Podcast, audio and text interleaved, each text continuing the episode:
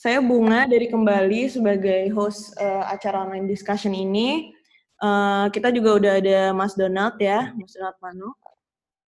Mungkin uh, bisa langsung dimulai ya sama Mas Donald. Gimana Mas? Oke, kita bisa mulai. Ya sudah. Gimana? Jadi jadi gimana sore hari ini kabar teman-teman semua? Baik-baik? Baik. Ya nggak ya nggak bisa kedengeran ya. Bisa Mas Donat kalau ah, ya, ya bener ya nggak bisa kedengeran kalau di sini. saya mute iya, dulu ya, yang iya. saya silakan Mas, Mas Donat lanjut. Semoga semua dalam keadaan baik-baik ya. kita mau ngobrol-ngobrol ini. Terima kasih sama-sama kembali yang udah apa namanya udah inisiasi untuk mengadakan acara ini. Bagus sih, jadi kita juga yang di rumah juga nggak terlalu bosan. Kalau yang bosan, tapi jujur saya juga belakangan ini justru di rumah pikirnya jadi sedikit santai, kenyataannya malah nggak santai juga nih, gitu ya. Kebetulan juga juga uh, ya kita bilanglah kayak kayak klien gitu ya, itu juga ya kita perlu bantu. Saya saya perlu bantu klien-klien juga di masa-masa sekarang gimana supaya uh, bisnisnya bisa bisa survive, supaya segala sesuatunya bisa ya istilah yang saya pakai itu adalah namanya damage control-nya ya. Kita mengontrol kerusakan-kerusakan yang sudah terjadi karena uh, situasi adanya COVID-19 ini ya yang yang mematahkan ya mematahkan roda perekonomian. Supaya jadi kita juga jadi pusing gitu. Nah di sini saya boleh nggak teman-teman teks gitu di chatnya? Teman-teman ininya usahanya apa aja sih? Jadi boleh sharing tuh di chatnya nanti saya mau bacain ada usaha apa nih usaha mungkin punya warung atau punya laundry atau punya apa yang yang udah sudah terganggu gitu ya yang udah terganggu dengan kasus ini supaya nanti kita bisa diskusi berdasarkan ini yang apa namanya berdasarkan eh, kasus-kasus uh, yang ada jadi sama teman-teman kita bisa saling saling saling support gitu. Nah sambil tunggu pertanyaan kapan ya bunga ya? Kita minggu lalu kali ya kita sempat sempat ngobrol-ngobrol gitu ya. Sempat ya, sempat ngobrol-ngobrol apa namanya di insta apa namanya di Instagram live ya. Gitu. Uh, ada yang pernah ini nggak yang sempat nonton nggak nih? Di situ jadi uh, dari pengalaman bukan pengalaman sebenarnya cuman ya dari satu bulan tiga minggu belakangan lah itu ya karena banyak membantu klien juga handle handle klien dari sisi marketingnya apa yang mesti dilakukan dari sisi bisnis apa yang mesti dikerjakan gitu ya. Itu jadi kita apa namanya jadi uh, di situ kita putar otak. Sama-sama tim uh, kita mengevaluasi kita lihat apa yang kita bisa kerjain dilihat dari kondisi market dari kondisi pasar. Nah jadi ya pengalaman tiga empat minggu belakangan inilah yang saya bilang jadi pengalaman gitu. Karena kan belum pernah ada ya yang ngalamin ini semua gitu ya. Nah di sini ada uh, Dian Dwi Lestari, saya ada warung nasi katanya ya. Halo Dian, terus di sini ada Philip Yusenda, saya pedagang mainan. Terus di sini ada juga siapa nih? Nggak ada namanya. Toko di bidang fashion retail di area Seminyak. Dampaknya berasa sekali, iya sih memang. Karena apa namanya uh, semua usaha yang berhubungan uh, ke turis gitu ya itu itu akan akan yang kena dampaknya pertama kali kalau begitu turisnya hilang gitu ya. Nah jadi uh, pertama-pertama jadi supaya nanti kita bisa masuk bisa sharing ini Meliana Meli cooking class activity for kids. Ini kayaknya bisa jadi bagus nih cooking class activity kids. Langsung aja sarannya bikin kelas online ya yang anak-anak lagi di rumah gitu ya kan? Supaya ibunya kayak istri saya juga bisa sambil kerja juga anaknya ada aktivitas ya bisa dibikin kelas online itu langsung untuk si Meliana Meliana Meli ya anak-anak yang gampang-gampang gitu. Oke, saya balik balik dulu uh, apa namanya saya jasa dog walking dan training. Nah, keren juga ya, seru-seru. Iya, sebelum nanti sambil sambil saya baca gitu ya. Jadi pertama yang kita mesti ingat ad, adalah pertama saya selalu meng, meng, mengatakan kita harus mendasarkan segala sesuatu dalam kondisi sekarang ini ya kita harus mendasarkan itu kepada yang namanya empati. Ya dalam pengertian gini semua orang memang uh, terkena dampaknya. Bisnis kita ya mungkin nggak semua orang punya tabungan atau punya dana darurat gitu ya. Tapi yang kita harus sikapi di sini juga adalah jangan sampai kita mau egois untuk menyelamatkan diri, tapi membawa dampak baik psikologi maupun dampak moral pada orang lain. Wah, lagi susah-susah kita, itu cari duit, itu jualan. Nah, itu pentingnya empati di sana untuk marketing kita. Ya, dan teman-teman juga mesti uh, ingat bahwa marketing itu bukan jualan. Ya, jadi marketing is not sales, marketing itu berbicara mengenai menunjukkan siapa Anda gitu kan. Siapa diri Anda, siapa usaha apa usaha Anda, apa yang mau dikenal oleh orang gitu ya. Itulah marketing. Nah, di saat-saat seperti ini ya kita mau bahas sesuatu topiknya, gimana kita melakukan marketing di masa-masa yang sulit seperti ini. Di satu sisi, memang ini kesempatan yang baik kalau buat saya. Kenapa?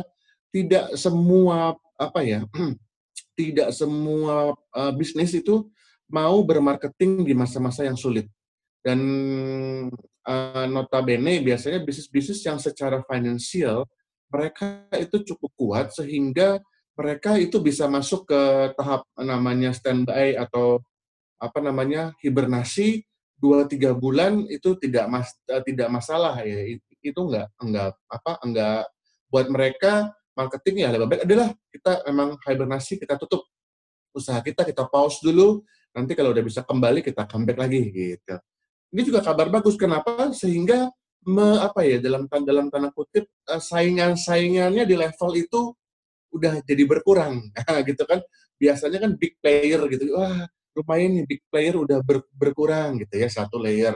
Kabar baik buat kita yang UKM. Nah, kemudian dari sisi marketing di masa sulit kita juga mesti berem apa mesti melihat ada yang yang yang tadi saya bilang empati itu ya kita mesti berpikir juga bagaimana kita memarketingkan diri supaya kita mempunyai satu relasi dalam uh, tanda petik gitu ya bahwa kita bermarketing sependeritaan senasib. Nah, gitu kira-kira. Paham ya? Nontonnya kayak gini uh, kayak jualan masker ya. Ya di sini mungkin nggak ada yang kayak gitu mudah-mudahan nggak ada. Mereka jualan masker mereka naikin harganya, nah, ini kan nggak ada empatinya. Mereka bermarketing emang untuk jualan, menyediakan alat kesehatan, menyediakan solusi, cuma naikin harga, nggak ada empatinya. Atau malah barang-barang yang nggak seharusnya dijual ke masyarakat umum, gitu, seperti kita. Seperti alkohol swipe, seperti apa ya baju-baju apa APD alat pelindung diri nah itu empatinya nggak nggak ada nah itu harus kita kesampingkannya jadi kita eh, apa namanya e, bisa berbalik untuk sadar oh ya kita menempatkan diri sebagai bagian dari society dari masyarakat kita berempati oke okay? itu dulu yang mesti ditangkap nah kemudian sekarang berbicara mengenai marketingnya sendiri ya kan teman-teman juga harus uh, kembali paham bahwa marketing itu bukan berbicara mengenai promosi marketing itu bukan berbicara mengenai diskon atau cashback aja marketing itu bukan berbicara mengenai upload konten yang bagus. Marketing itu bukan berbicara, hai masyarakat, belilah produk saya gitu ya, mempengaruhi. Marketing itu basically bukan itu. Tapi marketing itu kita menciptakan. Kita tujuan marketing adalah kita menciptakan. Nah, itu dia, ingat, menciptakan opini di market, di audiens yang menjadi target kita, opini tentang kita Nah, itu dia. Opini tentang kita menurut mereka. Tapi kita kita bikin, kita buat. Nah, itu yang namanya marketing. Paham ya? Atau saya ulang pelan-pelan. Jadi gini, marketing adalah usaha kita menciptakan opini di masyarakat, opini di publik, ya, opini di target market kita, opini mengenai kita, tapi kita yang mengarahkan. Itulah sebenarnya marketing di sana. Nah, jadi di masa sulit ini kita harus uh, berbicara seperti itu gitu ya. Ada fashion baby kids di sini, ada saya jasa publisher. Ya, macam-macam seru juga nih saya kafe di kerobokan udah tutup jadinya. Ya udah ya, kita lanjut biar saya nggak lupa udah sampai di mana gitu. Oke, okay. nah udah sekarang kita dalam sisi marketingnya teman-teman udah paham nih ya. Oke, okay. sekarang kita melihat masyarakat. Uh, di masa sekarang itu masyarakat sangat amat memilih apa yang mau dia beli, ya apa yang mau dia belanjakan gitu. Karena kalau dulu mungkin dengan apa namanya kondisi yang normal, dia bisa lebih fleksibel, dia bisa lebih cair gitu ya. Maksudnya gini, sekarang dia memilih apa yang penting buat dia.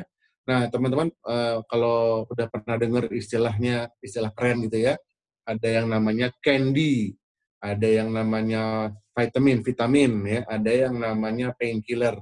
Nah, ini kategori produk dari sisi kacamata customer.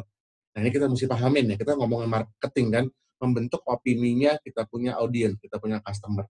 Nah, mereka melihat produk tuh ada tiga kategori gitu ya. Yang pertama itu yang paling di atas itu namanya candy atau permen atau snack ya cemilan gitu mereka senang dengan ini mereka suka mereka tertarik tapi dalam keadaan yang semakin ketat mereka orang udah nggak tertarik lagi kalau melihat konten-konten atau aktivitas yang kita kerjakan itu hanya sebatas kita menawarkan permen buat mereka gitu idenya dapat ya mereka itu aduh Enggak, enggak, enggak, sekarang ini mesti ngirit. Nah, atau enggak, enggak, sekarang apa yang utama? Sehingga di mata customer, di mata market, itu yang namanya kategori produk masuk ke permen. Nah, itu dia. Itu sudah tidak menjadi prioritas. Sehingga kalau kita mau bikin usaha-usaha marketing, kegiatan, aktivitas di sana, itu nanti kurang tepat jadinya. Jatuhnya nanti kesannya nggak berempati ya. Nah, kemudian kita tadi berbicara yang kedua itu mengenai vitamin. Vitamin jauh lebih penting daripada permen, ya, daripada candy. Dan orang senang uh, me, apa ya, me, membeli sesuatu yang sifatnya vitamin karena membuat dia jadi lebih sehat ya. Ini analoginya gitu ya, membuat dia mungkin jadi lebih ceria gitu ya. Nah, itu ada produk-produk juga yang sehari-hari yang memang kategorinya masuknya ke vitamin ini gitu. Paham ya? Oke. Okay. Nah, tapi dengan masa yang makin sulit gitu ya jalan, nah beberapa uh, golongan masyarakat ini target market itu akan semakin selektif juga. Ada yang masih bisa beli produk-produk vitamin, ada yang masih nggak bisa, ada yang udah nggak bisa. Apa yang saya maksud? Nggak, nggak, nggak, juga lah kita hemat dulu. Karena kalau nggak makan vitamin, apa vitamin kita nggak nggak sengsara kok gitu ya. Atau mungkin nggak meninggal, nggak mati. Ya udah, Nah, dilupakan. Nah, jadi produk-produk atau marketing yang kita mau lakukan, tapi itu sifatnya sebagai marketing, soal sebagai vitamin atau suplemen, nah, suplemen tuh ya, itu jadi mulai setengah-setengah. Nah, ada yang perlu, ada yang enggak. Kita eh, turun ke yang ketiga, yang paling dalam kalau buat saya, itu namanya painkiller. Gambarannya gini, analoginya.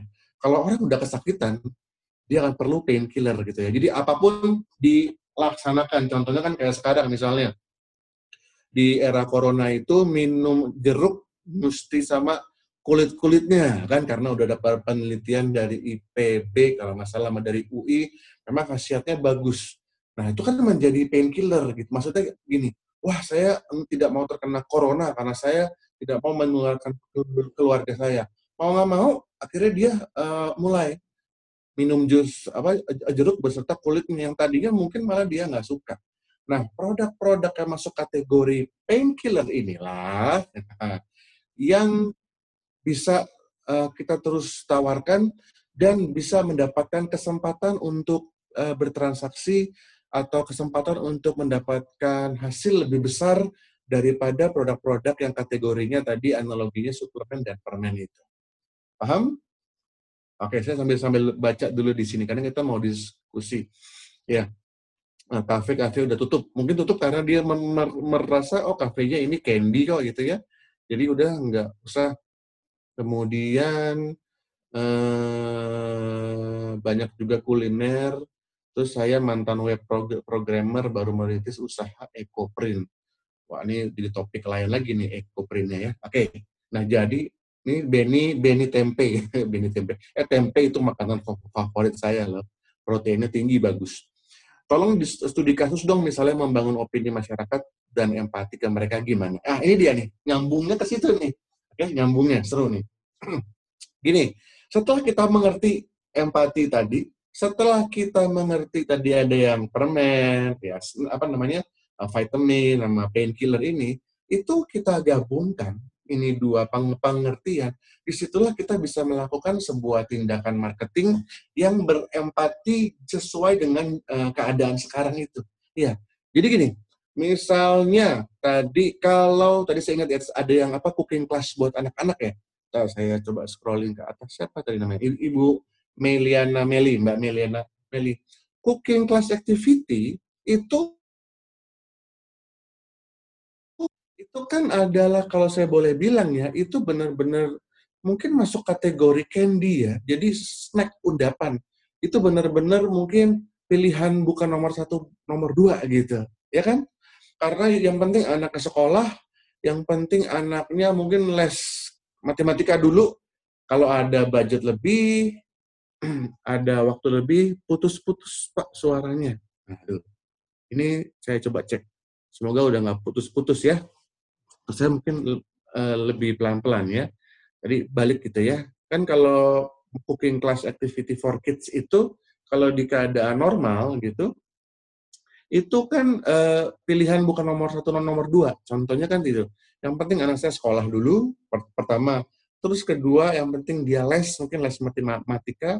Oh nanti kalau sudah ada, nah itu ya. Kalau sudah ada waktu lebih atau dana lebih, mungkin saya akan ikutkan dia cooking class. Ini gambaran saya gitu ya, memberi contoh. Nah, bagaimana kita bawa ini ke ranah sekarang supaya marketing yang kita lakukan berem berempati. Oke, kita pikirin ada produk, cooking class, ada anak-anak. Anak-anak sekarang lagi di rumah. Orang tuanya juga lagi di rumah. Dalam hal ini saya pakai contoh ya, anak saya sama istri saya. Saya masih uh, work from home uh, dengan dengan dengan klien-klien gitu dan sekarang semua semakin repot karena gimana bisa bikin mereka semakin minim kerusakannya. Kemudian istri saya juga juga juga bekerja bareng saya menghandle operasional. Nah, kan anak ini jadi waktunya bingung. Kalau dia sudah offline, enggak online dengan sekolahnya, masa iya nonton Netflix mulu, masa iya nonton YouTube Kids mulu. Sedangkan mau main ke rumah, eh main keluar juga nggak bisa sama anak-anak di komplek. Karena kita sedang social distancing. Ah, ini kan menjadi pain. Nah, nangkep ya. Ini menjadi pain. Buat kami, kami berharap adanya suatu aktivitas buat anak kami Nah, jadi saat nanti untuk cooking class ini ditawarkan, itu akan menjadi painkiller buat kami. Eh, dia bisa ada apa waktunya belajar masak. Nah, itu idenya dari sisi painkillernya. Oke, okay? dapat ya? Nah, sekarang kita mesti mengadjust. Apa pun nanti bisnisnya, kita mesti mengadjust. Kita tidak bisa lagi menawarkan hanya plain gitu, plain, oh, apa namanya, uh, cooking class buat anak-anak gitu. Tapi kita mesti mengganti gaya bahasa kita, kita mesti mengadjust kita punya gaya komunikasi, konten materi komunikasinya menjadi painkiller itu ya menjadi solusi, menjadi apa namanya uh, uh, jawaban untuk masalah orang. Jadi kira-kira menurut saya dirubah dirubah seperti ini contohnya. Saat anak-anak dalam kondisi sekarang kami sangat mengerti gitu misalnya ya ibu dan bapak di rumah mungkin juga sibuk atau mungkin dalam sisi kontranya bingung lagi mau ngapain untuk anaknya aktivitas, kami menawarkan sebuah kegiatan yang mudah yang dapat diikuti oleh anak mana pun umur sekian dengan perlengkapan peralatan-peralatan yang mudah yang Anda bisa temukan di rumah. Oke? Okay? Nah, ini kan jadi oh, daripada cuma sekedar ikutan cooking class kids gitu ah, itu perlu dijelaskan. Memang ide ini sepertinya gampang. Ini yang saya alamin di dua tiga minggu belakangan. Idenya sepertinya gampang. Cuma yang namanya orang dalam kondisi sekarang ditawarin, kadang-kadang sebagian besar dia nggak punya ide berpikiran seperti itu. Nah, kita mesti merubah gaya bahasanya. Nah, berhubungan sama merubah gaya bahasa, dalam banyak kasus itu merubah kita punya uh, produk yang ditawarkan, packagingnya maupun jenis-jenis produknya. Paham ya? Mungkin tadinya cooking class-nya ini itu berbicara mengenai cooking class yang benar-benar untuk anak-anak lumayan proper gitu ya. Nah sekarang kan mau belanja bahan bakunya keluar sulit, perlengkapan di rumah mungkin nggak semua punya. Nah tugasnya adalah meredesain kreativitas ya, meredesain itu dia, meredesain apa yang bisa kita tawarkan yang bisa dikerjakan eh, orang dengan mudah di rumahnya. kreativitas. Nah, di sini kita menunjukkan empati kita dan di sini empati kita we put the empati idea itu menjadi action sehingga kita menjadi orang yang berempati bukan sekadar sok berempati. Dengan kita mengejar semua supaya lebih mudah dikerjakan dalam contoh ini, di situlah bentuk empati kita. Sehingga orang merasakan tadinya kalau cuman approach-nya anak apa namanya uh, belajar masak buat anak, aduh repot lah gitu ya. Tapi pas pas di approach dilihat oh mu, mu, apa mudah hanya dengan menggunakan misalnya roti tawar, mentega dan coklat butir. Nah, Cuma nanti kan bisa di approach menjadi apa? Karena apa? Ingat, painkiller. Tujuannya hanya menghilangkan rasa sakit. Dalam hal-hal ini, tujuannya bukan supaya si anak jadi bisa masak, enggak. Iya kan? Tujuannya hanya sekedar untuk anaknya punya aktivitas yang positif.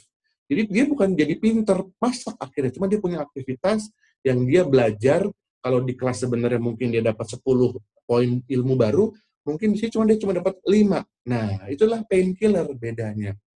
Itu contoh yang yang bisa saya kasih dalam contoh hal ini. Saya harap teman-teman dapat dapat idenya ya. Jadi ayo coba dilihat. Ini saya uh, sharing ya. Jadi sekarang pertama yang dilihat adalah Anda punya customer gitu ya. Anda punya market, Anda punya audience. Apa sih yang menjadi painkiller mereka? Gitu. Itu yang saya kerjakan kami buka sosial media kami, beberapa klien yang memang, memang kami sedang ini, kami sapa mereka di sosial medianya, kita lewat DM, atau ada yang punya database email, atau ada yang WhatsApp, kita kita tanya bagaimana apa kabarnya, apa yang bisa dibantu, apa yang bisa dipenuhi, kami lakukan, kami mendengar. Dengan melakukan itu saja, kita sudah berempati sebenarnya. Ih, di zaman-zaman kayak gini, tiba-tiba kok brand ini, usaha ini menyapa saya, tanya apa kabar, sehat apa semua, apa yang saya butuhkan bisa bantu. Ya kan, di situ udah terjadi. Ini marketing. Ini marketing yang bagus saatnya. Saat kita ber, ber apa, menyapa dengan tulus membantu orang di saat-saat yang sulit, itu uh, apa ya dalam banget gitu ya dapat orang ini diperhatiin apa yang ditanya ada kebutuhan apa ada per, ada perlunya apa kira-kira seperti itu ya Nah, kemudian setelah audiensnya dapat, informasinya dapat, kita masuk, kita lihat dari kebutuhan ini, dengan kita punya bisnis, ini apa yang kita bisa sambungkan. Oke? Okay? Itu. Nah, kalau memang ada yang bisa, kayak contohnya tadi, apa untuk anak-anak belajar masak, tinggal di just, just sedikit bisa, ini kan udah bisa jadi marketing yang nanti mengarah akhirnya ke sales lagi gitu ya, supaya terjadinya transaksi yang baik lagi. Nah sekarang ada beberapa hal, contohnya mungkin teman-teman saya ada kebutuhannya nih dari saya udah dapat, cuman produk saya nggak ada yang bisa nyambung. Langkah berikutnya adalah coba teman-teman lihat bahan bakunya atau resourcesnya, ingredientsnya ada apa.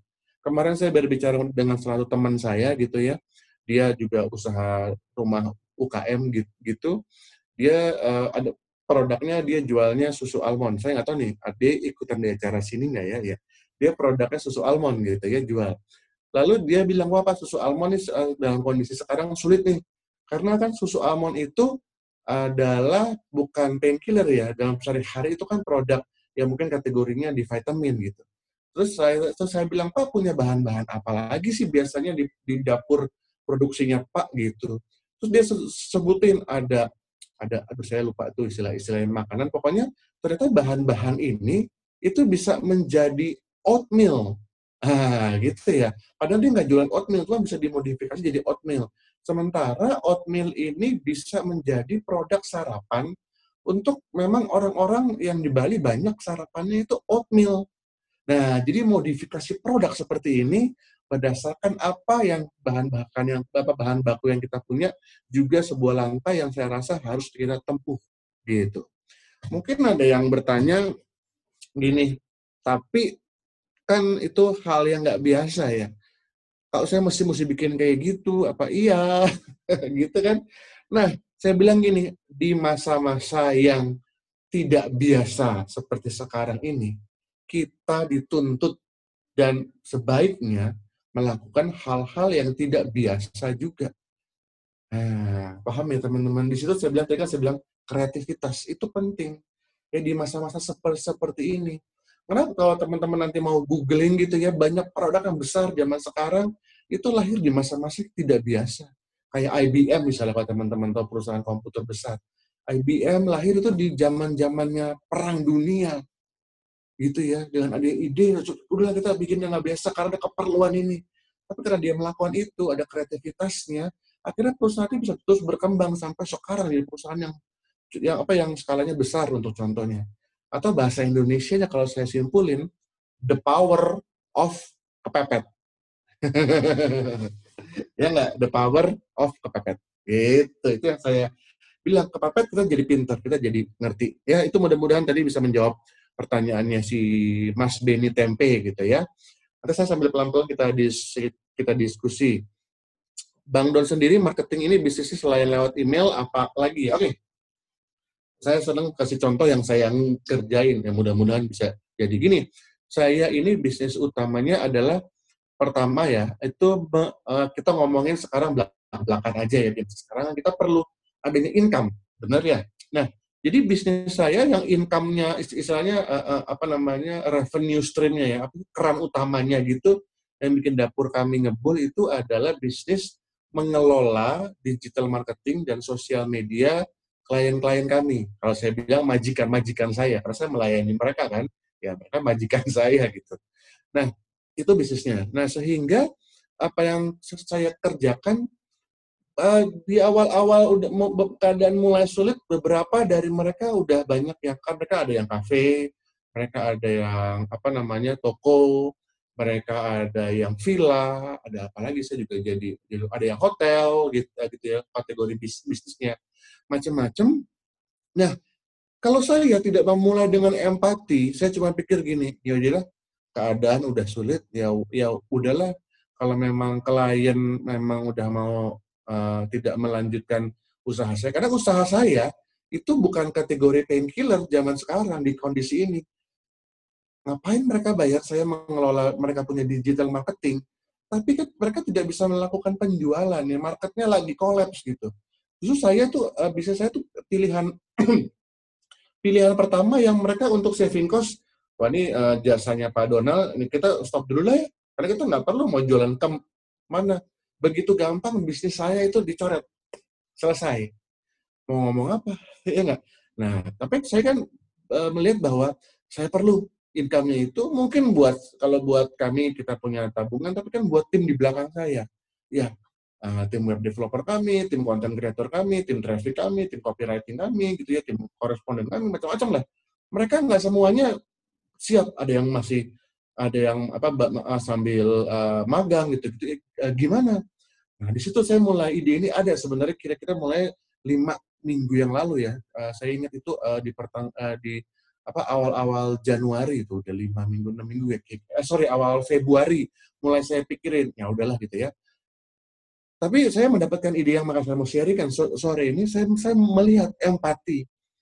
Kalau saya cuma berhenti gitu aja saya tuh jadi kesannya gini oh Pak Donald cuma mau melakukan bisnis kalau kondisi dalam keadaan baik-baik saja ah empati saya nggak ada saya mulai berpikir mengeluarkan dari sisi uh, saya sebagai uh, center pemikiran usaha saya, saya mulai memikirkan usaha klien saya. Gimana ya? Nah, itu empati. Lalu saya mulai ngobrol sama beberapa, enggak semua ya, karena kondisinya macam-macam. Yang saya bisa bantu, cek saya mulai tanya, apa yang saya bisa kerjakan. Nah, saya mulai ber, di sana, itu empati yang kami kerjakan. Dan tadinya ada yang dia sudah mau eh, masuk ke hibernasi aja udah mau tutup dulu Cuman karena ada ide-ide ini awalnya ya, contoh yang saya ingat ada sebuah apa uh, gitu di Sunset Road di ujung Sunset Road akhirnya dia bingung mau buka atau mau tutup ya kayaknya udah gitu. Terus kami kasih solo apa kita bicara saya berpikir keras apa yang bisa saya bantu supaya dia terus buka. Karena kalau dia tutup kasihan karyawannya. Empati lagi yang bekerja. Oh gimana kalau kita fokus kepada food delivery? Nah gitu. Itu di pertengahan Februari itu belum belum belum belum ada yang ide-ide seperti itu. Karena orang masih rada tenang, cuman dia udah mulai takut. Jadi kita coba bikin delivery. Nah, sama yang saya bilang tadi, dilihat menunya apa sih yang bisa di delivery. Karena dia makanan healthy food, dan dia itu fresh sehingga sulit ternyata kalau untuk delivery. Nah, gitu ya. Kita berpikir, saya sarankan mereka coba bikin di dapurnya ada apa. Akhirnya waktu itu mereka bikin kotak-kotak yang memang makanan-makanan yang bisa di delivery. Itu itu contohnya. Nah, jadi itu yang yang yang yang saya kerjakan gitu. Dan ada yang lain juga, nanti saya mau masuk ke poin berikutnya ya, untuk di, di, di topik ini, ada di, juga di beberapa klien, di beberapa klien yang memang saya mengerti. Setelah kita bantu pun, uh, mereka punya apa ya pendapatnya tuh benar-benar turunnya dropnya parah gitu ya. Mungkin sisa-sisa 40% gitu ya uh, dropnya cukup cukup parah.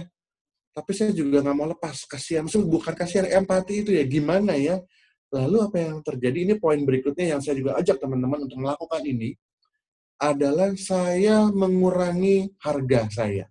Ya jasa saya harganya. Nah ini saya mau mau bahas juga. Mungkin ini buat semua orang nggak nggak mudah. Saya berpikir gini, oke, okay, di angka berapa saya masih bisa uh, kasih harga baru ke dia selama masa sulit ini, dan di harga itu uh, tim saya itu masih bisa bekerja dan dan survive juga. Yang saya hilangkan adalah variabel yang namanya profit atau keuntungan. Nah, Oke, okay?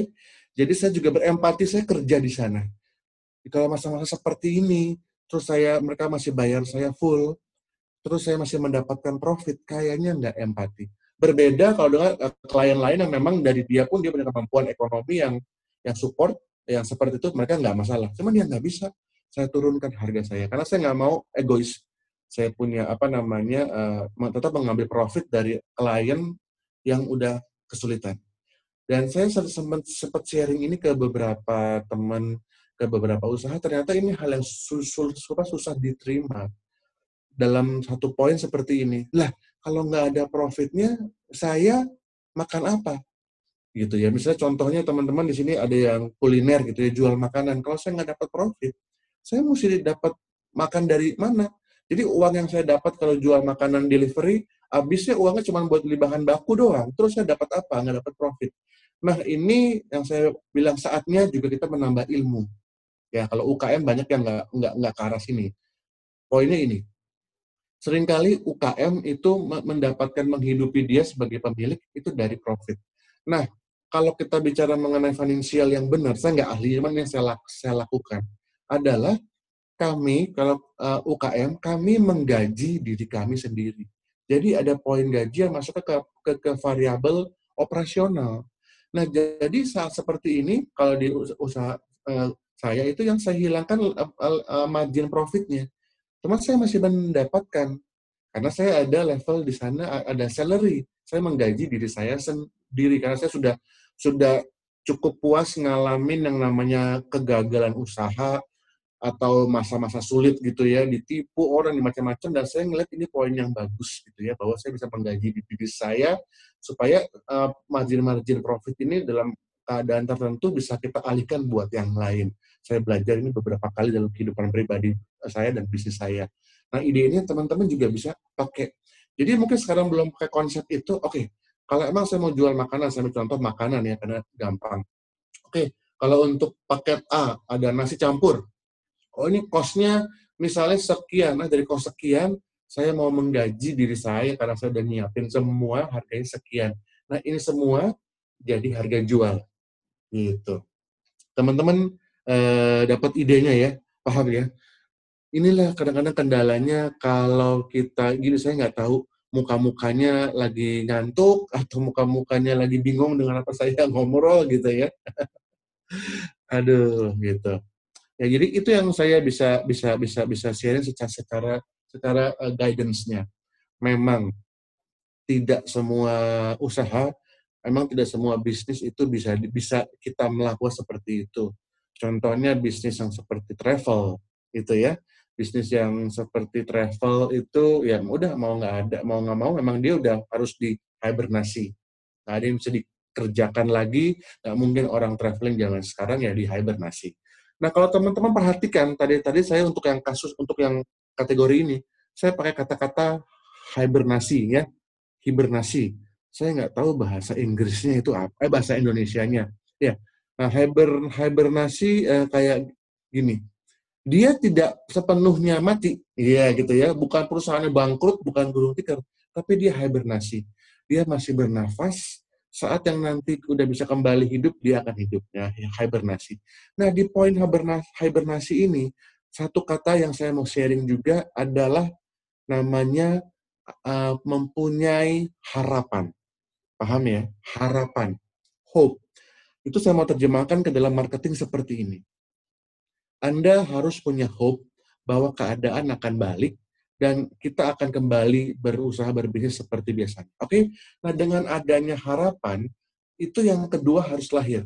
Buat saya adalah namanya kerajinan, ya rajin. Apa yang saya maksud? Kita mesti tetap melakukan sesuatu, harus tetap bernafas. Hibernasi itu tidur, tapi dia masih terus nafas, ya. Nafas itu harus rajin, kita harus terus lakukan usahanya. Dapat dulu poin-poinnya, apa yang saya maksud di sini? Kalau seperti uh, jasa travel gitu ya, uh, itu ya, atau mungkin bookingan hotel, penginapan yang udah nggak bisa jalan sama sekali, jangan dimatikan, tapi hibernasi, nafas. Apa yang saya bilang nafas di sini dalam poin marketing? Lakukanlah aktivitas-aktivitas pertama yang masih teman-teman bisa kerjakan adalah berbicara, membuka komunikasi dengan semua klien-klien Anda yang pernah menjadi klien Anda ataupun yang akan menjadi. Di sinilah saatnya, rajin. Ini nafas yang kita lakukan. Ini oksigen yang kita bawa ke masa hibernasi usaha kita. Berbicara, apa yang kita bicarakan? Selain empati tadi bertanya apa kabar, kita bertanya, misalnya seperti ini. Nanti kalau usaha-usaha apa namanya semua sudah kembali normal, ini untuk contoh aja ya, e, ibu ada rencana mau seperti apa untuk uh, jalan-jalannya, untuk travelingnya, ya. Nah ini memberikan kita oksigen lagi. Ada database masuk, ada informasi masuk. Ini sekaligus kalau di marketing bilangnya namanya survei pasar. Apa yang pasar perlukan, apa yang pasar apa yang pasar mau. Nah, gitu ya. Ini si Benny Tempe bilang banyak waktu juga untuk R&D. Ya betul, betul, betul. Dan ini kita bisa kerjakan hiber, hibernasi. Yang yang kedua di saat hibernasi kita ber, bernafas kita kembali melihat apa yang kita yang yang kita punya. Pertama biasanya saya harus tekankan eh, yang saya utamakan adalah tim ya timnya. Kalau memang udah bisa itu saya selalu bersarankan sama sama teman-teman hindari kata-kata uh, eh, PHK tapi lebih baik uh, ambil cuti gitu ya. Sekarang kan semua udah pakai istilah itu kan, awal-awal belum. Ya, cuti aja karena nanti pasti Anda kembali lagi gitu ya. Jadi mereka juga nggak stres. Lihat, kemudian dari tim yang ada, dari tim yang ada ditanya, ya idenya apa di masa hibernasi ini, terus ada klien-klien yang kasih inputan ini, apa yang kita bisa kerjakan. Di sini saatnya melibatkan tim untuk mungkin saat ini teman-teman yang belum pernah melibatkan tim sebegitu dalamnya. Saran saya juga jangan anggap remeh tim kita, ah cuma bagian driver kok, dia cuma di masa-masa yang seperti ini, ide seperti apa pun kita perlukan. Ini kata-kata namanya inovasi. Ya, mungkin dalam masa-masa normal banyak inovasi atau ide-ide itu yang tenggelam tergilas dengan kesibukan kita ya dengan operasional. Nah ini saatnya hibernasi ini nafas oksigen yang kita ambil adalah inovasi-inovasi. Ya, inovasi dikeluarkan. Apa yang kita perlu evaluasi? Ngomong berbicara Muhammad, driver apa yang kita perlu evaluasi? Di sini saatnya. Inilah masa-masa hibernasi yang kita perlu kerjakan. Loh kan nggak ada hubungan sama marketing. Ingat, marketingnya mungkin sekarang nggak kita laksanakan. Cuma kita udah punya konten-konten yang kita perlu rapihkan, yang kita perlu evaluasi, yang perlu kita upgrade di bisnis kita. Saat nanti saatnya mulai naik lagi, kita udah punya konten-konten segar, kita bisa masukkan ke dalam aktivitas marketing kita. Ya, ini yang saya bilang. Jadi yang namanya keraji apa yang saya bisa bilang di masa hibernasi ini, hope itu harus ada. Hope, Anda lihat. Oke. Okay. Dan ingat, saat manusia dikurung seperti ini dalam tanda kutip ya, saat keadaan nanti kembali nor normal, ada sebuah golongan masyarakat yang memang mereka penyelamat ya, karena mereka punya uh, finansial yang lebih.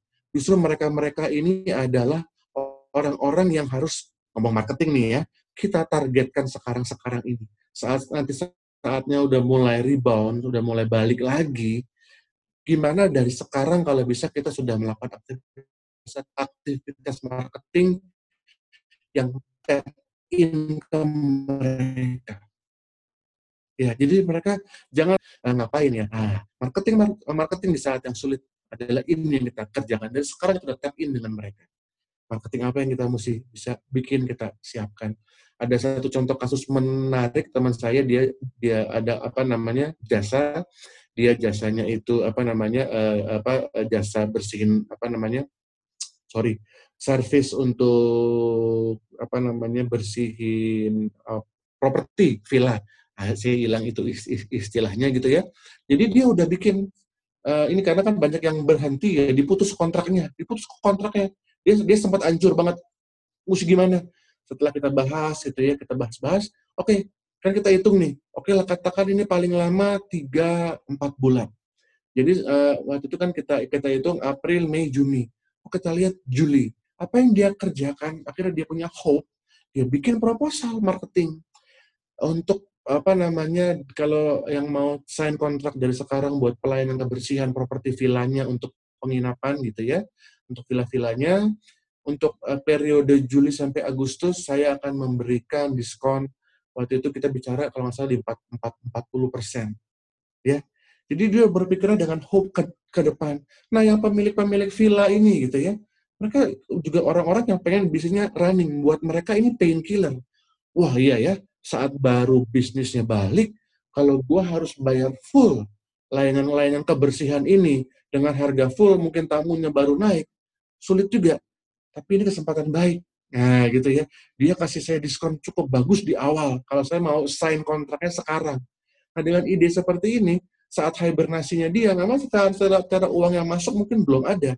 Tapi hope-nya udah kelihatan. Karena udah ada beberapa kontrak yang akhirnya ditanda tanda tangan nanti begitu ini mulai di bulan Juli pertengahan kalau nggak nggak salah kalau udah mulai nanti kami akan jalankan nah gitu dia. Kami akan jalankan dengan harga sekian. Dia dapat tuh deal deal kontrak. Memang uangnya belum masuk cuman udah ada harapan. Inilah yang saya bilang marketing. Setelah apa? Setelah teman saya ini benar-benar memperhatikan klien-klien uh, kliennya. Malah ada produk kedua yang dia bisa bikin sekarang yang ada cash di tangan. Lumayan gitu ya. Ya apa ya apa yang tadinya mungkin maintenance-nya uh, saat apa seminggu bisa lima kali gitu ya. Sekarang ditawarkan, kan Bapak kalau villanya tutup terus, gitu ya, selama dua tiga bulan kan kotor. Nah, dia bikin paket-paket yang datang sebulan dua kali. Dengan harga yang masuk akal, dia dibayar, dia dapat uang. Bayangin. Jadi gini, usahanya dia nggak mati-mati amat, tenaga kerjanya juga seneng sekalipun ya zaman sekarang gitu ya. Yang penting ada income masih lumayan. Jadi ingat, ini semua awal dari empati. Saat kita nggak egois dengan bisnis kita, kita mikirin klien kita, pain killer apa yang bisa kita siapkan buat mereka. Nah, di situlah kreativitasnya itu bisa muncul. Ya, itu yang saya bisa sharing. Ini chatnya udah banyak yang masuk. Ya, kita saya coba coba baca pelan-pelan. Mungkin ada yang kele, ada yang kelewatan di sini. saya saya minum dulu boleh ya. Boleh Mas minum dulu dari tadi yang Iya. Oke. Okay. Uh, ini nanti ini ini ada menarik ya dari Benny mungkin si uh, apa uh, diskusi ini mungkin Pak Benny atau Mas Benny Tempe mungkin boleh dibuka nih uh, video sama sama suaranya. Di sini dia cerita mengenai kemarin full team masuk sudah prediksi stok barang, akhirnya ambil keputusan rolling masuk sebagian kar karyawan mungkin boleh sharing nih sedikit ke teman-teman bisa jadi ide atau pencerahan buat yang lain mungkin. Mas Beni Tempe masih adakah Mas Beni Tempe? Nah kayak Mas Beni boleh sharing nih udah bisa ngomong? Udah halo. dia, halo. Halo bisa ya ini ya? Bisa kedengeran. Oke, jadi kemarin tuh kan kita emang fokusnya produksi. Terus uh, udah produksi, udah aku lihat udah terpenuhi, kemudian stok barang juga udah terpenuhi, sedangkan aku selling pertama kemarin naik tiga kali lipat sebelum nyepi. Setelah nyepi, tiba-tiba langsung down. Nah, kemudian aku lihat stok barang masih banyak, produksi lagi juga tidak memungkinkan. Akhirnya ambil keputusan uh, semalam uh, sekalian gajian kan, gajian uh, staff, aku bilang, ini karena produksi udah tercukupi, juga market agak slow, uh, aku ambil keputusan, aku bikin jadwal ya, uh, hari hari ini uh, empat orang masuk, sisanya libur, besoknya gantian, uh, yang kemarin masuk ganti libur, yang libur gantian masuk. Akhirnya begitu. Tapi ya, akhirnya mereka mereka sadar sih, terus mereka ya nggak apa-apa, nggak masalah itu. Ngertiin aku juga itu. Jadi aku boleh berusaha. Tahu, Mas Benny, saya potong kalau boleh tahu bisnisnya apa nih Mas Benny biar teman-teman juga juga tahu. Uh, basicnya kita jual produksi tempe, tapi tempe mentah dan produk turunannya ada kue kering dari tempe. Jadi produk inovatifnya banyak. Gitu. Iya, oh, jadi melakukan ini ya biar karyawannya juga uh, tetap bisa dapat income walaupun nggak penuh, hmm. adanya digilir gitu ya. Iya. Jadi Dan tempe ini, ini kan makanan favorit saya nih Mas Mas Benny. Iya. Dan, Jadi, dan mungkin Mas uh, Benny bisa melakukan campaign bahwa memang uh, tempe itu kan proteinnya tinggi dan dalam masa-masa uh, sekarang itu protein nabati sangat amat diperlukan kan buat tubuh. Nah itu bisa bisa menjadi sebuah marketing campaign yang bagus juga tuh Mas Benny. Mm -hmm. Apalagi tadi bilang turunannya kan banyak. Saya kayak saya senang keripik tempe misalnya. Nah mm -hmm. jadi orang diberi ah tempe mungkin dia nggak mikir, tapi di, di, diberi informasi sebagai painkiller bahwa protein nabati itu bagus, nggak sehat kalau di rumah cuma makan proteinnya eh, apa hewani terus.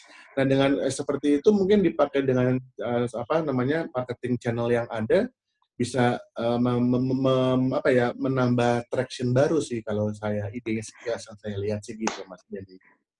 Jadi aku untuk kampanyenya ada ide pertama untuk karena aku lebih dominan jualnya snack. Jadi aku mm -hmm. lebih kampanyenya untuk anak-anak yang stay di rumah karena sambil belajar kan untuk teman nyemil yang sehat. Yeah. Pertama itu. Kedua, aku pengen juga live Instagram, tapi cara mengolah tempe yang benar tuh gimana sih? Terus ah, bisa bisa masak bareng sama anak-anak tuh gimana? Kan mereka beli tempe kan di mana aja bisa. Cuma hmm. ngolahnya kadang kan bosen lah. Dibikin Betul. goreng, bacem. Jadi nanti ada misalnya tempe nih dilumurin dengan coklat. Nah, itu bisa juga. Ah, Kemudian okay. uh, eh, kita juga campaign uh, untuk seperti ini beli lebih banyak, lebih murah dan paymentnya pakai uh, Gojek uh, free gitu, free delivery dengan minimal order seperti itu. Oke, terima kasih Mas Benny buat ceritanya, buat insight-nya. Terima kasih Mas ya, Benny. Buat, Yoi. yang lain sukses ya kita sama-sama. Nah, saya juga saya saya kan juga uh, saya ini adalah juga ya apa ya ngomongin jadi susah. Food blogger yang udah lumayan tidak terlalu aktif. Jadi saya punya apa namanya Instagram yang namanya apa website dan Instagram yang namanya Foodsius ya gabungan dari Food Delicious jadinya Foodsious. Ini bukan promosi, cuman yang kelola itu banyak istri saya. Akhirnya kira-kira kalau nggak salah seminggu setengah yang lalu istri saya bilang oke okay, semua usaha yang bisa delivery kita kasih apa free posting di tempat kami itu juga kami kerjakan berdasarkan empati Nah, dan udah banyak tuh yang masuk minta diposting baik Insta Story maupun diposting di feednya Food Foodsius. Nah ini juga juga juga kami kami kami kerjakan gitu ya. Jadi kami udah nggak mikirin income karena di sisi di sisi lain kami masih pas-pasan masih bisa gitu ya. Jadi kami berusaha untuk untuk uh, bantu. Nah jadi mungkin teman-teman di sini ada yang kuliner yang bisa apa yang tetap masih bisa delivery nanti mungkin bisa juga drop ke apa DM ke foodshoes dot eh, apa ke foodshoes itu nanti kami juga bantu di sana untuk uh, kasih ke apa follower kami yang uh, banyak di Bali ini untuk tahu ada info ada informasi itu. Gitu ya sambil saya sedikit lagi lihat-lihat ke sini kan saya lihat ada yang menarik nih. Ya ada yang menarik sebentar ya pelan-pelan. Tadi ada yang usahanya yang saya buat saya menarik adalah uh, ada warung nasi sama pedagang mainan gitu ya. Uh, ini uh, Mbak Dian Dwi Lestari ya warung nasi. Kalau saya bilang makanan tuh mirip-mirip sebisa mungkin kita mendelivery. Nah, memang kasusnya seperti ini uh, juga ada beberapa teman-teman, bukan teman-teman ya, saya punya langganan uh, belanja gitu ya, warung-warung ini memang uh, mereka tidak pernah berpikir seperti ini dan mereka konvensional banget, gitu ya, mereka konvensional banget, sehingga saat ini ter terjadi mereka sama sekali nggak bisa pakai platform teknologi yang ada gitu, platform digital yang ada karena dia cuma buka lapak, buka warung ya warung yang gitu yang di di, di lapangan parkir uh, ruko kantor gitu ya. Kalau siang dia ngejualan ruko tutup malam dia baru jualan. Dan dia bisa bisa ngapain gitu ya. Ya apa yang terjadi tetap saya bicara sama Mas ini itu adalah ke tetangga ke sekeliling rumahnya. Itu yang saya bilang yang namanya hope itu harus ada dicari. Dan akhirnya dia bisa mendapatkan itu. Jadi dia masakin masakin tetangganya masakin kalau kadang nggak semua orang juga bisa masak. Bisnisnya berganti gitu ya. Tadi dia cuma bikin lalapan di malam hari sekarang dia uh, bikin mak mak makanan yang harus juga dari makan siang. Itu contohnya. Jadi yang warung kayak gitu kalau pedagang mainan ya gimana nanti dilihat saya nggak tahu seperti apa mainan apa yang memang menjadi painkiller. Mungkin dipilihin mainan apa yang bagus untuk menopang study from home mainan-mainan edukasi misalnya, ya itu coba dipikirkan lagi sih. Ya dilihat kreativitas. Memang nggak semudah saya bicara, cuman ya ayo kita sama-sama asah otak. Kalian tadi toko di bidang fashion retail di area seminyak ya saatnya memang sekarang ya fashion itu ya harus kuat di digitalnya ya masuk ke sana. Kalau memang belum ada gitu, belum pernah itu hanya toko offline, toko konvensional, ya saatnya sekarang adalah buka buka laptopnya, buka Google-nya belajar bisnis digital. Gimana sih bikin online shop? Gimana sih bikin Instagram? Saatnya belajar. Kalau udah udah bisa yang lebih advance lagi. Supaya nanti saat balik eh, tokonya bukan hanya konvensional tapi jualan juga. Itu ide saya tanpa saya mengetahui detail lebih lanjut ya. Mengenai ini sambil saya scroll sebentar ke bawah di sini ada yang menarik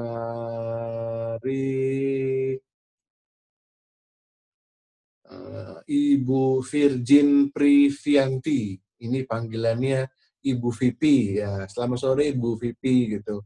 Ibu VP di sini kan apa nih Ibu ada ah daripada saya bacain Ibu VP boleh dibukain nggak ininya? apa namanya mic apa apa boleh, mic, mikrofonnya atau videonya Ibu VP Ibu Virgin Privianti. Saya buka hmm. ya.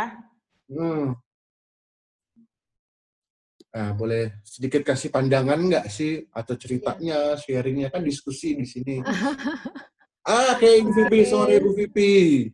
Selamat sore juga Pak Donald. Hmm. Jangan dibuka, jangan dibuka video ya, saya lagi nggak ada alis nih soalnya.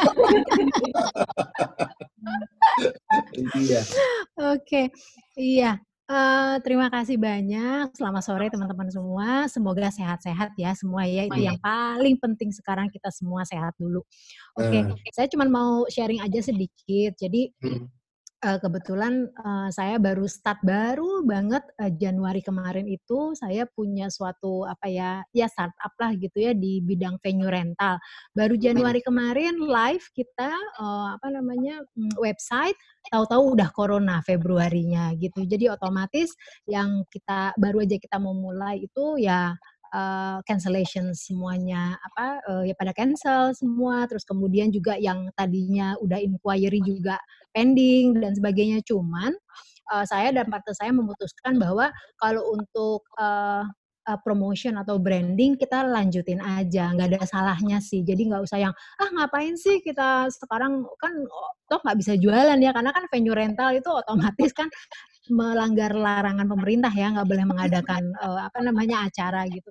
Tapi jangan berhenti terus aja gitu uh, apa namanya untuk posting di sosial media dan sebagainya atau enggak ya upload misalnya listing-listingan baru di website itu sih saya terusin aja gitu. Nothing tulus lah pokoknya siapa tahu kan segera kembali lagi semuanya seperti sedia kala gitu. Asik. Ya. itu, itu listing listing venue apa itu bu maksudnya bu Uh, jadi untuk teman-teman mungkin atau ada uh, apa namanya orang-orang yang punya suatu apa ya uh, usaha lah gitu ya. Usaha uh, gini yang di listing di tempat kita itu nggak melulu harus memang itu venue untuk misalnya meeting ballroom dan sebagainya. Enggak sih. Jadi kebanyakan justru itu usaha-usaha lokal bisnis lokal yang mereka uh, misalnya kayak kafe gitu, tapi terus mereka punya apa namanya punya potensi, mereka punya contohnya misalnya punya garden di belakangnya yang sama sekali itu nggak pernah di uh, apa namanya nggak pernah dimanfaatkan gitu. Justru kita tuh yang seperti itu gitu. Jadi untuk support juga teman-teman yang punya apa namanya bisnis yang punya potensi untuk jadi venue seperti itu. Oh, oh jadi gitu ya. Jadi dibikinin listingnya. Namanya apa Bu? Tempat apa ini ya jasanya? Sewa apa? Sewa Namanya. Oke, venuenesia.com. apa? Ve- venue? Venunesia, V E N U. E ya, nesia.com. Oh, oke. Itu baru banget, baru banget Januari kemarin langsung Sedih, sedih juga. Ibu ya. Sedih ya, baru mulai, udah kenal gini. Cuma senang semangatnya sih. Sip, sip. Lumayan, lumayan. tapi ya itu eh, apa namanya eh, pesan saya ke teman-teman mungkin juga ada yang mengalami masalah yang sama.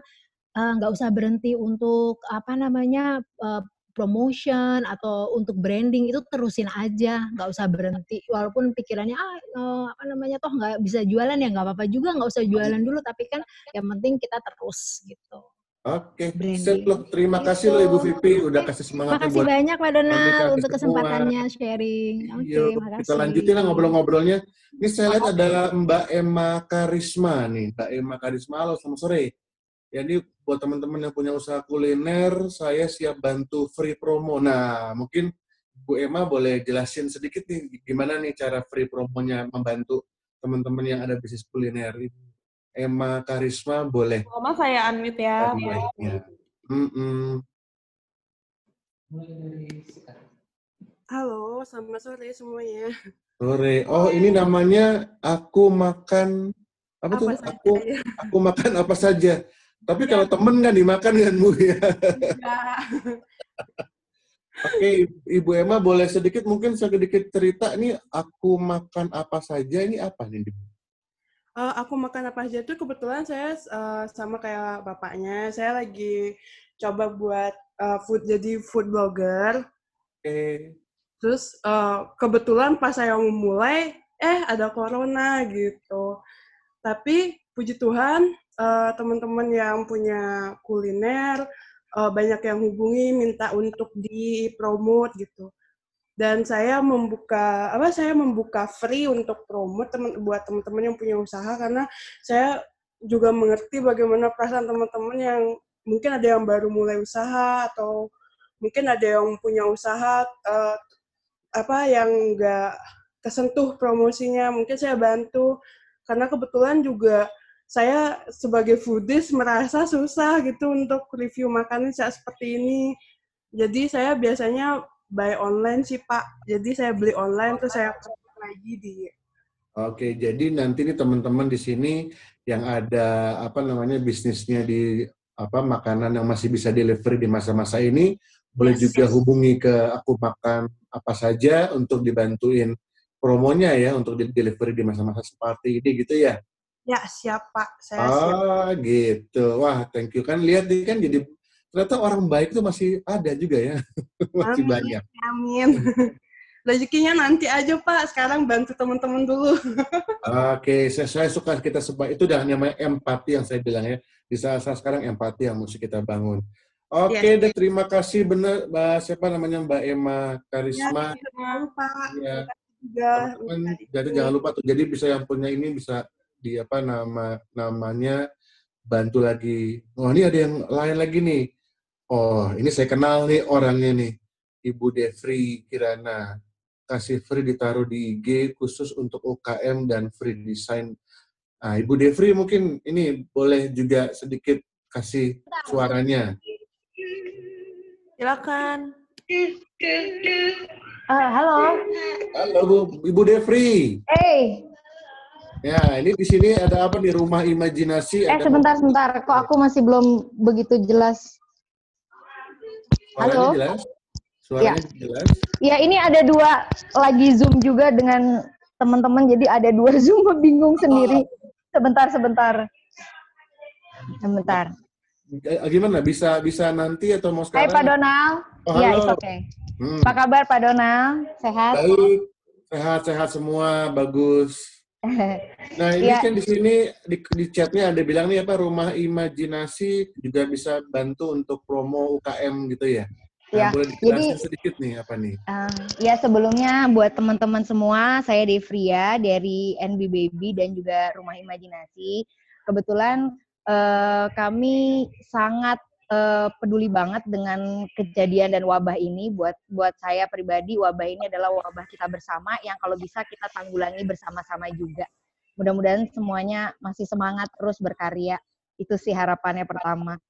Uh, ya di rumah imajinasi ini kebetulan kita membuat sebuah uh, marketing digital juga untuk masalah para UKM uh, yang nantinya memang ke depannya ini akan ada aplikasi khusus untuk UKM hanya karena masih on progress jadi kita uh, lebih ke media sosial dulu bahwa kita akan memberikan kesempatan minggu depan ini kepada para UKM yang memiliki produk UKM untuk dipromosikan di Instagram kami yang nanti kami akan sambungkan ke broadcast ke beberapa organisasi yang ada di Bali. Salah satunya ada HIPMI, ada IWAPI, ada ada UKM IKM, semuanya juga akan kita broadcast ke mereka. Nah, yang yang saya cuma butuhkan adalah captionnya dan foto produk dan foto produk pun itu nanti akan kami bantu untuk edit lagi biar terlihat lebih bagus. Itu Ini lagi. nanti teman-teman di sini bisa hubungi langsung ke apa tadi nama Instagramnya? Uh, Instagramnya rumahimajinasi.id. Rumah rumah imajinasi dot id, gitu ya. Iya, Oke tuh teman-teman udah dibuka lagi tuh satu kesempatan apa bantuan dari Mbak Devri nanti ya. tinggal langsung di DM ke sana aja. Ya, boleh, gitu. boleh banget. Tapi kita semuanya akan mulai di minggu depan. Jadi kita sekarang lagi preparein semuanya karena biar template-nya juga bagus, biar dilihatnya juga enak gitu. Oke. Okay. Thank you banget loh Ibu Devri. Sama-sama, sama. Makasih, Mbak. Sama-sama. Iya, thank you juga. Ini saya apa Mbak Bunga nih ada satu namanya saya bacanya gimana ya? MK Menip. bacanya saya nggak tahu itu, itu gimana. Dia kirim chat saya mau bertanya langsung boleh nggak? Karena oh, agak agak boleh boleh boleh. Uh, uh, siapa namanya? MK Menip. Okay. maaf ya kalau saya salah baca.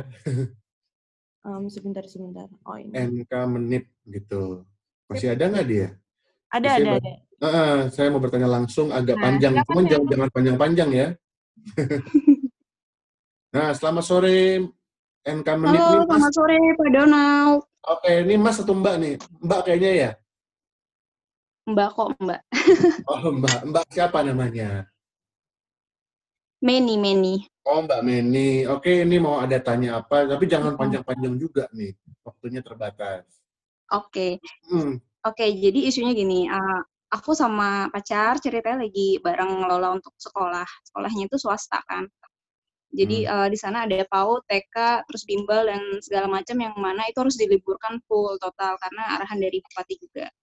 Nah, ketika si anak-anak ini udah di rumah semua, orang tuanya itu request untuk SPP uh, eh, tidak dibayarkan gitu. Sementara uh, eh, SPP adalah salah satu uh, apa namanya uh, apa uh, mas, salah satu komponen yang kami gunakan untuk penggajian guru-guru yang ada.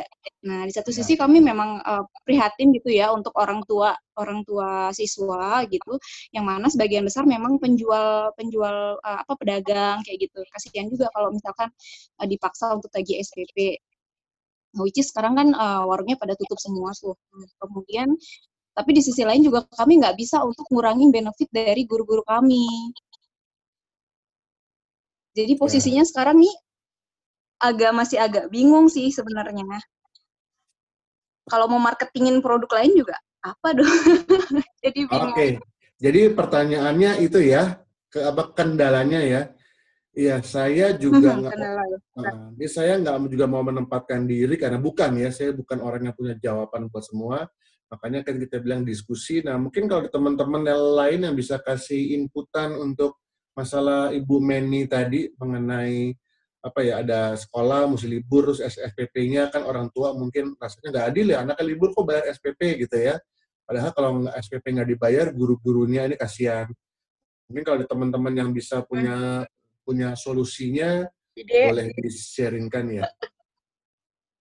Itu ya Terima Bu kasih. Nah, thank you ya. Oke okay, kalau ya, saya semangat sambil, semua. Nah, semangat sambil nunggu kalau ada yang bisa kasih uh, ini apa namanya bantuan memang saya bilang ini kondisi yang, yang ya memang memang memang susah kondisinya dan nggak semua itu bisa survive. Kalau saran saya sih saya bilang tadi mungkin duduklah ke guru-gurunya apa yang bisa kita kerjakan ya, ya apa ya kenyataan pahit ini memang harus kita terima gitu. Tapi kalau mungkin dari sisi lainnya eh, mengenai SPP gitu ya, saya lihat mungkin kalau bisa diganti dalam pengertian uh, kasih pembelajaran online misalnya atau apa. Jadi tetap bahwa si orang tua murid ini merasakan dengan pembayaran SPP ini gitu ya. Dengan pembayaran SPP ini mereka tetap mendapat mendapatkan sesuatu dari pihak sekolah gitu. Jadi dibikinkan aktivitas-aktivitas yang sifatnya online.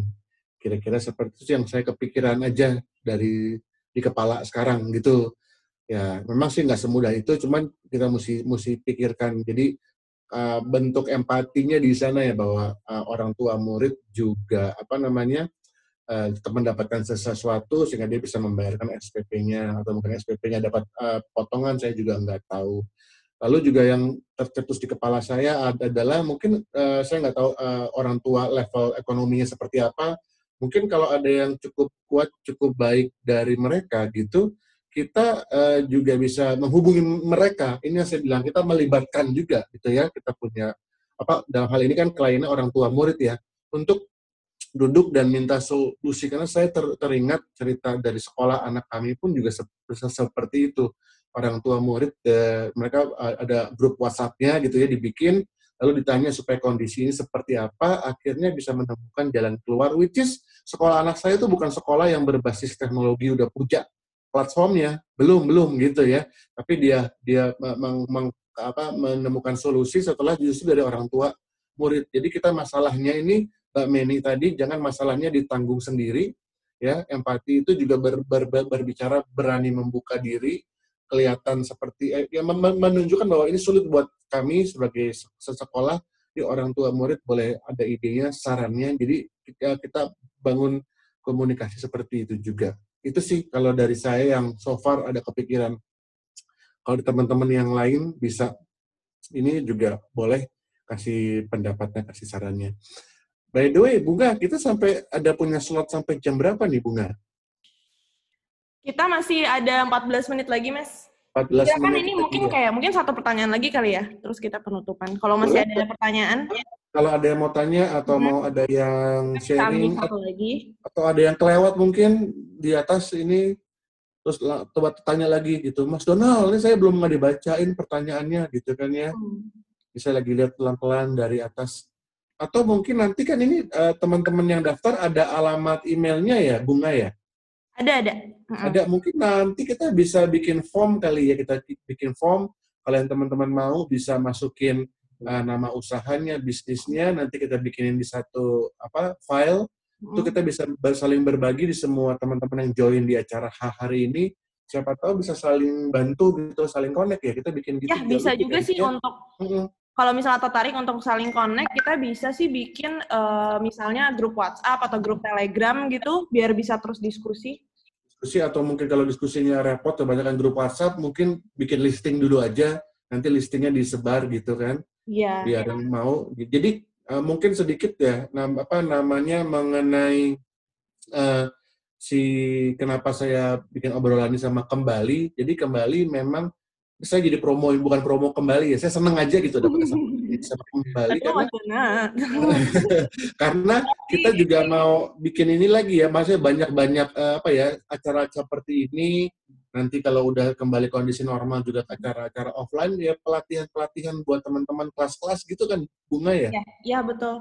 Kita hmm. juga uh, tadi mungkin kalau belum lihat uh, chatnya di atas kita ini kan ada kembali sama dari kumpul juga yang bilang uh, apa nih halo Al silakan untuk feedback online program. Nah, itu tuh bisa diisi banget sama yang ikut karena uh, kita juga ini baru berapa baru belum banyak ngadain online program uh, dan kita masih butuh kritik dan sarannya biar kita ke depannya bisa lebih mengakomodir gitu. Okay, nah, kita pengennya uh, di situasi kayak gini kita tetap uh, aktif dan kita tetap uh, kasih apa ya uh, banyak konten-konten bagus untuk uh, komunitinya kita gitu. Silakan kalau misalnya mau diisi linknya bisa. Jadi memang saya rasa di masa-masa seperti ini ya banyak sekali sebuah kebiasaan baru akhirnya, ya. sebuah gaya baru gitu ya yang akhirnya kita mesti lakukan sekarang. Ya inilah gitu. Jadi ya karena keadaan ini pasti akan banyak hal yang kita belajar. Yang hal baru yang kita belajar. Benar. Uh. Mm. Oh ini ya link-linknya ya yang di sini yes, ya. gitu. Nanti uh, kita pun tadinya kan ini mau pakai uh, Hangout ya Google Hangout. Uh, tapi ternyata tuh yang daftar lumayan banyak gitu dan Hangout tuh uh, biasanya kurang bisa uh, mewadahi kalau uh, lebih banyak dari 20 orang. Hmm. Itu dan uh, apa dia kurang dia kan tidak ada Google Hangout nggak ada host kan gitu. Jadi kita akhirnya pindah gitu pakai Zoom biar semuanya Jadi semua sama-sama belajar belajar menjadi lebih pinter ya. Iya gitu karena yang daftar tuh kayak lumayan banyak dan kita nggak mau jadi membatasi juga kan. Kita nggak hmm. enak juga kalau misalnya ngomong maaf slotnya udah penuh. ya, sip lah gitu. Uh, maaf Mbak kalau mau sharing tentang online learning, saya mau ikutan. Ada lagi kapan dong? Bobby K. Bobby K ini terakhir deh nih kita bukain. Bukain mic-nya buat Bobby K. Siapa nih Bobby K? Apakah Bobby yang saya duga ini? Iya, ini Mas Bobby ya. Halo, Mas nah, Bobby? Kayaknya sih. Iya, Mas Ah, ini. Uy, gambarnya Nintendo. ah, iya ini kalau misalnya ada yang mau untuk distance learning atau sharing-sharing online, uh, bisa deh sharing-sharing ke saya juga karena kebetulan juga saya di uh, badan non profit itu kita sedang cari solusi untuk pembelajaran anak-anak SMK anak uh, yang berada di daerah karena mereka terbatas internet dan juga mereka sama nggak bisa sekolah. Tapi hmm. mereka lebih susah nih. Mereka di daerahnya Labuan Bajo, di Wakatobi. Uh, mungkin selain Zoom, mungkin ada yang bisa kasih sharing juga. Apa apakah ada alternatif lain selain Zoom? Oke. Okay. Jadi kalau saya simpulin, jadi gini ya teman-teman, eh, mungkin kayak si ya si Mbak Meni tadi ya, yang mencari solusi untuk gimana sih cara belajar online atau via digital ini yang nggak ngerti teknologinya saya juga nggak gitu paham. Nah, Mas Bobby ini berarti bisa bantu ya untuk uh, itu. Iya bisa juga sih Pak. Jadi kita hmm. sama-sama hmm. belajar jadinya. Oke. Okay. Nah seru seru seru tuh. Nah saya senang nih ke apa forum-forum seperti ini ya kita saling kenal, saling bisa bantu lagi. Terima kasih loh uh, Mas Bobby udah sharing buka lagi hal seperti Terima kasih, ini. Terima kasih Mas Bobby. Yo sama-sama. Iya. Oke, kalau di Labuan kalau Bajo mesti ngandalin TVRI Mas, ya, kata Mas Philip gitu.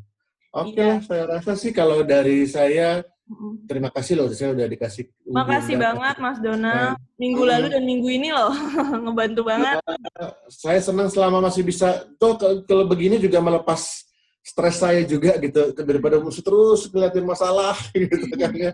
Sedikit relaksasi saya bisa bisa sharing-sharing nanti ke, dari bunga mungkin kita bisa kirimin listingnya yang join di sini ya biar kita saling kontak atau ya. kalau masih ada yang mau nanti juga DM ke saya di IG pribadi Donald Mano atau di Temu Ilmu juga DM aja kalau ada pertanyaan kita open komunikasi yang pasti saya saya bilang ini masih yang sulit buat semua kita ya kita jalanin bersama-sama. Jangan patah semangat jangan takut.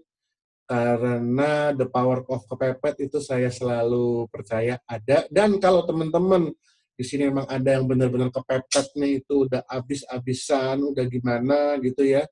Saya rasa karena kita udah kenal kita kontak-kontakan aja kita ya sebisa mungkin kita tetap bisa bantu. Jadi jangan merasa dengan social distancing artinya juga seorang diri gitu ya. Mungkin di kamar kosannya putus asa itu juga nggak mau ya kontak-kontak kami juga lah gitu kan kita kita kita lihat apa yang kita bisa kerjakan sama-sama dengan semua keterbatasan yang ada.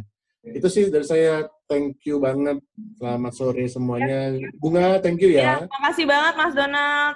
Hmm. Semoga sehat selalu. Salam keluarga juga. Semoga sehat semua. Sama-sama. Terima kasih. Terima kasih ke peserta yang udah ikut hari ini. Uh, semoga uh, kontennya berguna. Kita uh, kita ingin banget kalian isi uh, feedback formnya itu biar ke depannya kita bisa lebih bagus lagi. Uh, tadi mana ya linknya? Oh ini. Dan juga bisa di follow Instagram kembali di @kembalihub. Nah, itu linknya uh, bit.ly slash kembali online dan uh, Instagramnya at kembali hub. Itu ada juga kalau nggak salah di bio-nya kembali. Gitu. Nanti untuk program-program selanjutnya, uh, kita biasanya update terus di Instagram, jadi sering-sering uh, cek aja. Uh, dan pasti kalau misalnya udah ngedaftarin email ke kita, kita pasti akan kirim email juga untuk kasih tahu ada event apa aja, ada newsletter. Terima kasih ya semuanya. Semoga berguna dan sehat-sehat.